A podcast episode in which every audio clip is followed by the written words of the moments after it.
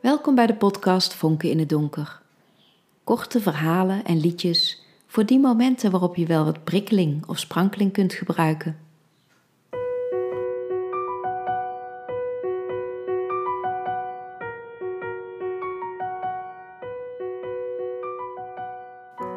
Ziekelijk lieflijk. De fascinatie kwam later pas. De eerste keer dat ik Brian sprak, was ik vooral geamuseerd. Hij leek te zijn weggelopen uit een over-de-top gangsterfilm. Tattoo in zijn hals, gouden tand, litteken in zijn gezicht en veel bling-bling. Ik was naar het winkelcentrum in West gegaan omdat de parodontax in de aanbieding was. Ik dacht dat ik misschien nog tijd had voor een kop cappuccino voordat ik thuis het eten op tafel zou hebben, maar had mijn telefoon thuis laten liggen. Dat deed ik in die periode wel vaker, om de onrust van de appjes of de neiging om buienradar te checken te weren. Maar nu wist ik dus niet hoe laat het was. Er liepen genoeg mensen met een zachtmoedige uitstraling, maar mijn vooroordelen trotserend sprak ik Brian aan. Hallo, weet je misschien hoe laat het is? Even keek hij afwerend, maar zei toen toch redelijk vriendelijk half vijf en liet me meekijken op zijn enorme horloge. Mooi horloge, zei ik meer omdat het ding schreeuwde om bewonderd te worden dan dat ik het meende. Er verscheen een glimlach op zijn gezicht. Hublot, zei hij. Eefje, zei ik en stak mijn hand uit. Hij schoot in de lach, een zware en vrije lach, waardoor ik niet anders kon dan meelachen. Hublot is het horloge, ik ben Brian. Oh, zei ik, hallo Brian, hallo Hublot. Half vijf dus, dan heb ik nog tijd voor koffie, wil jij ook? Hij keek me even verbaasd aan, haalde zijn schouders op en antwoordde: Waarom niet? In het ongezellige koffietentje stelde ik vooral vragen en vertelde hij ontwapenend over zijn turbulente leven. In zijn tienerjaren had hij meer tijd besteed aan halsstraffen dan aan school. Hij had al met al vier jaar in de gevangenis gezeten, had vijf kinderen bij evenveel vrouwen die hij geen van allen meer zag. Zijn ouders waren dood, zijn broer was verslaafd aan cocaïne, hij had geen contact meer met zijn zussen en een van zijn beste vrienden was bij een steekpartij om het leven gekomen. En hij had reuma. Een tijdje keek ik hem sprakeloos aan en toen, ik wist niet waar het vandaan kwam, kreeg ik de slappe lach. Hoe meer ik me probeerde in te houden, hoe meer de tranen me over de wangen stroomden. Lekker meelevend ben jij, zei Brian, en hij lachte met me mee. Bij gebrek aan champagne namen we allebei een Rivella en proosten op het leven. Brian kneep in mijn knie en zei dat hij geil van me werd. De bubbels van de Rivella kwamen door mijn neus naar buiten.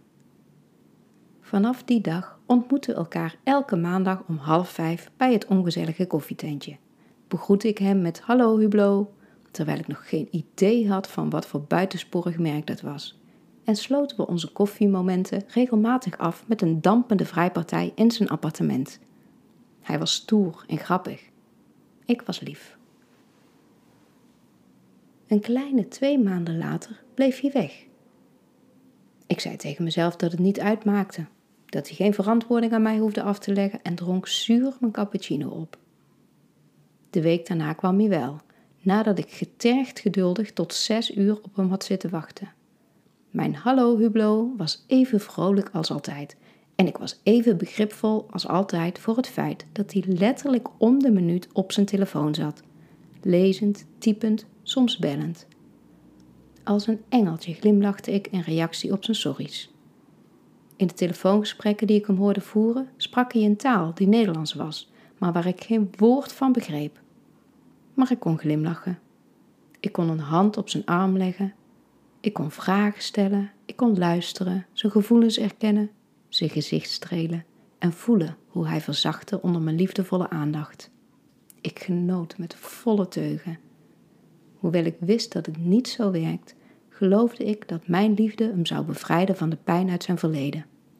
Mijn liefde kon het ook aan dat hij steeds vaker niet kwam opdagen zonder iets te laten weten, en dat hij me steeds vaker negeerde en kortaf op me reageerde als we samen waren. Met al mijn begrip en geduld kwam ik te weten waardoor hij steeds gestrester was geworden. Een van zijn maten, broers of hoe hij ze ook noemde, was er vandoor gegaan met 25.000 euro, die bestemd was geweest voor cocaïne waar Brian klanten voor had met weinig geduld. Hij moest nu zo snel mogelijk aan drie kop komen. 3000 euro legde hij me uit, om weer vooruit te kunnen. Niet alleen dreigde hij zijn klanten te verliezen, maar hij moest er ook voor zorgen dat de grote jongens niet te weten kwamen dat hij geript was, want anders kon hij zijn positie in de wereld wel vergeten. Mijn hart stroomde over van mededogen. Wat had deze jongen het moeilijk en wat hield ik van zijn halstattoo. Als wegcijferkeizerin kon ik wel wat hebben en wist mijn knagende behoefte aan aandacht lang onder water te houden. Tot die maandag waarop ik om half zes ineens werd overvallen door een lawine van zelfmedelijden toen Brian, ondanks dat hij de dag daarvoor had gezegd dat hij zou komen, er weer niet was. Ik belde hem en vroeg waarom hij niks had laten weten. Zei dat ik dat niet fijn vond en dat ik een uur op hem had zitten wachten. Ik voelde me trots op mijn assertiviteit. Ja, ik heb even geen tijd en geen zin in gedoe. Je weet verdomd goed wat er aan de hand is en dat ik nou even geen gezeik aan mijn kop wil. Brian op zijn aardigst. Ik sputterde nog. Maar je kunt het toch even laten weten? Dan val ik je ook niet lastig. En je weet dat je altijd, echt altijd bij me terecht kunt. Ik ben er voor je. Innerlijk braakte ik van mijn dwangmatige dienstbaarheid. Eefje. Hij klonk als een getergde vader die zijn ongeduld ter wille van zijn onbenullige dochter inslikt. Ik heb niks aan troost. Ik zit er niet op te wachten om gedachten en gevoelens te delen. En jij weet heel goed wat ik nodig heb om vooruit te komen. Drie kop, piepte ik. Jij zegt het, zei Brian. Oké, hoorde ik mijn allerliefste stem zeggen, terwijl het leek alsof ik niet degene was die het zei. Over tweeënhalf uur ben ik bij jou.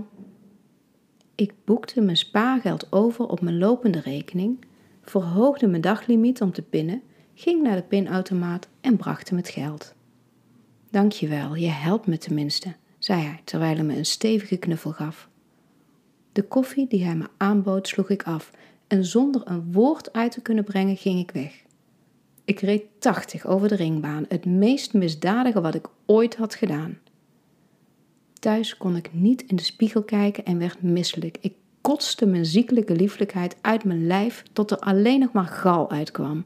Had ik dan helemaal geen zelfrespect? Wat was ik voor iemand? De telefoon ging. Op het scherm zag ik dat het Madelon was. Mooie Madelon, altijd lief, altijd geduldig, altijd hulpvaardig. Altijd klaar met een luisterend oor en nooit, nee nooit iets voor zichzelf vragend. Wat een pleurishekel had ik aan dat wijf en ik maaide de telefoon van tafel, barstte in het scherm. Trillend bleef ik zitten. Ik moest iets doen, maar was verlamd. Christus, ik was zo bang om in de steek gelaten te worden dat ik niet wist waartoe ik nog meer in staat zou zijn geweest om Brian tevreden te stellen. Gadverdamme, als ik dit niet zou veranderen, zou ik sterven aan zelfhaat.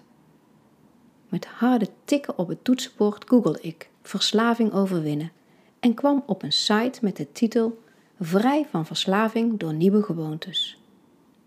Er stond dat we met het woord verslaving taalkundig een fout maken omdat we door een zelfstandig naamwoord te gebruiken van een dynamisch proces een statisch en dus onveranderlijk gegeven maken. Ik klapte mijn laptop dicht, want ik wist wat me te doen stond.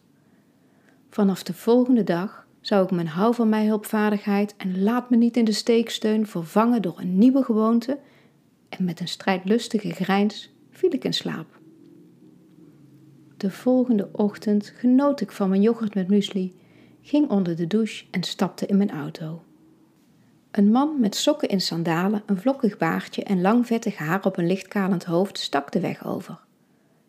Je kunt er niks aan doen als je lelijk bent, maar je hoeft het nog niet zo te benadrukken, de woorden rolden uit mijn mond alsof mijn niet oordelende correctheid nooit had bestaan. Heerlijk!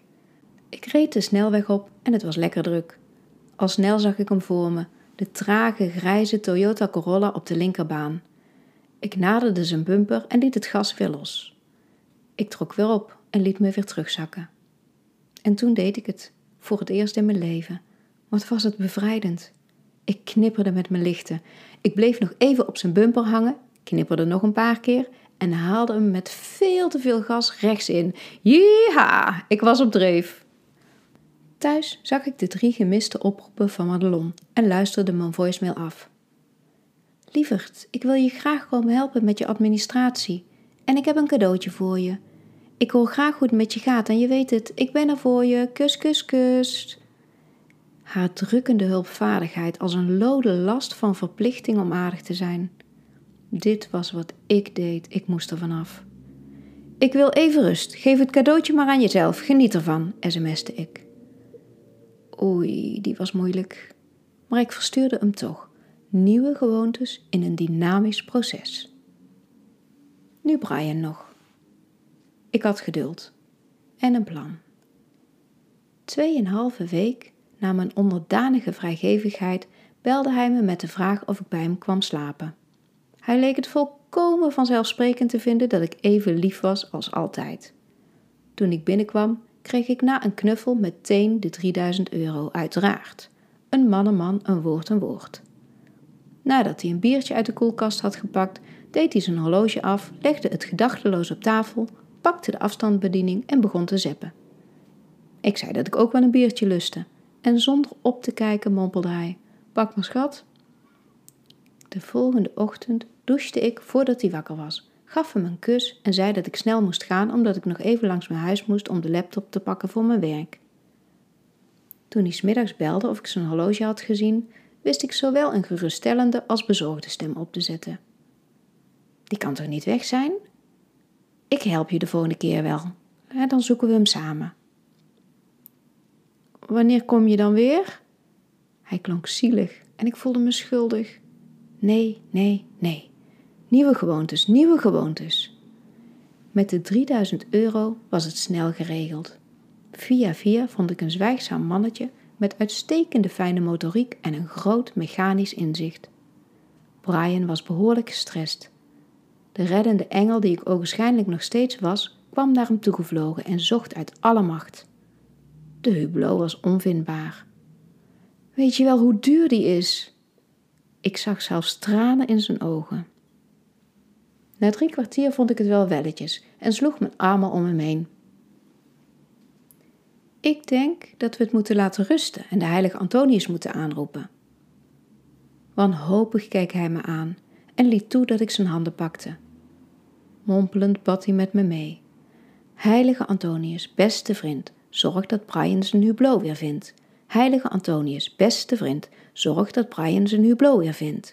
Heilige Antonius, beste vriend, zorg dat Brian zijn hublot weer vindt. Ik kuste hem op zijn voorhoofd en ging. Laat Antonius het werk doen. Nog geen half uur later ging de telefoon. Schat, ik heb hem!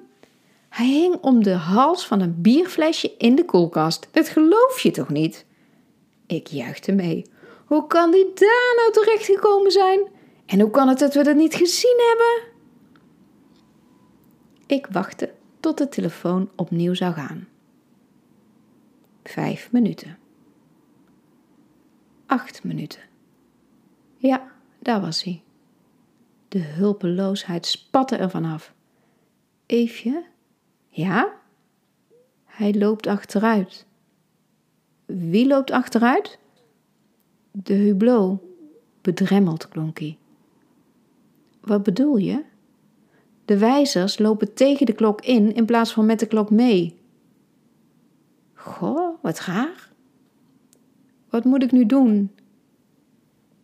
Misschien komt het door de koelkast en moet je hem even op de verwarming leggen. Of misschien juist nog even terug in de koelkast, ik weet het ook niet. Kijk anders even op Google. In ieder geval fijn dat je hem terug hebt. Misschien zou hij de minuscule gravure op de achterkant van de wijzerplaat nooit ontdekken. Maar hij stond er, onuitwisbaar. Hallo, Hublot. Wil je vooruit? Zoek het uit. Met daaronder een afbeelding van een microscopische middelvinger.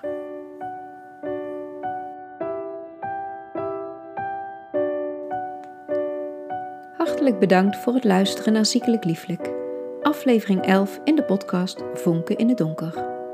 Volgende keer weer een liedje. Graag tot dan!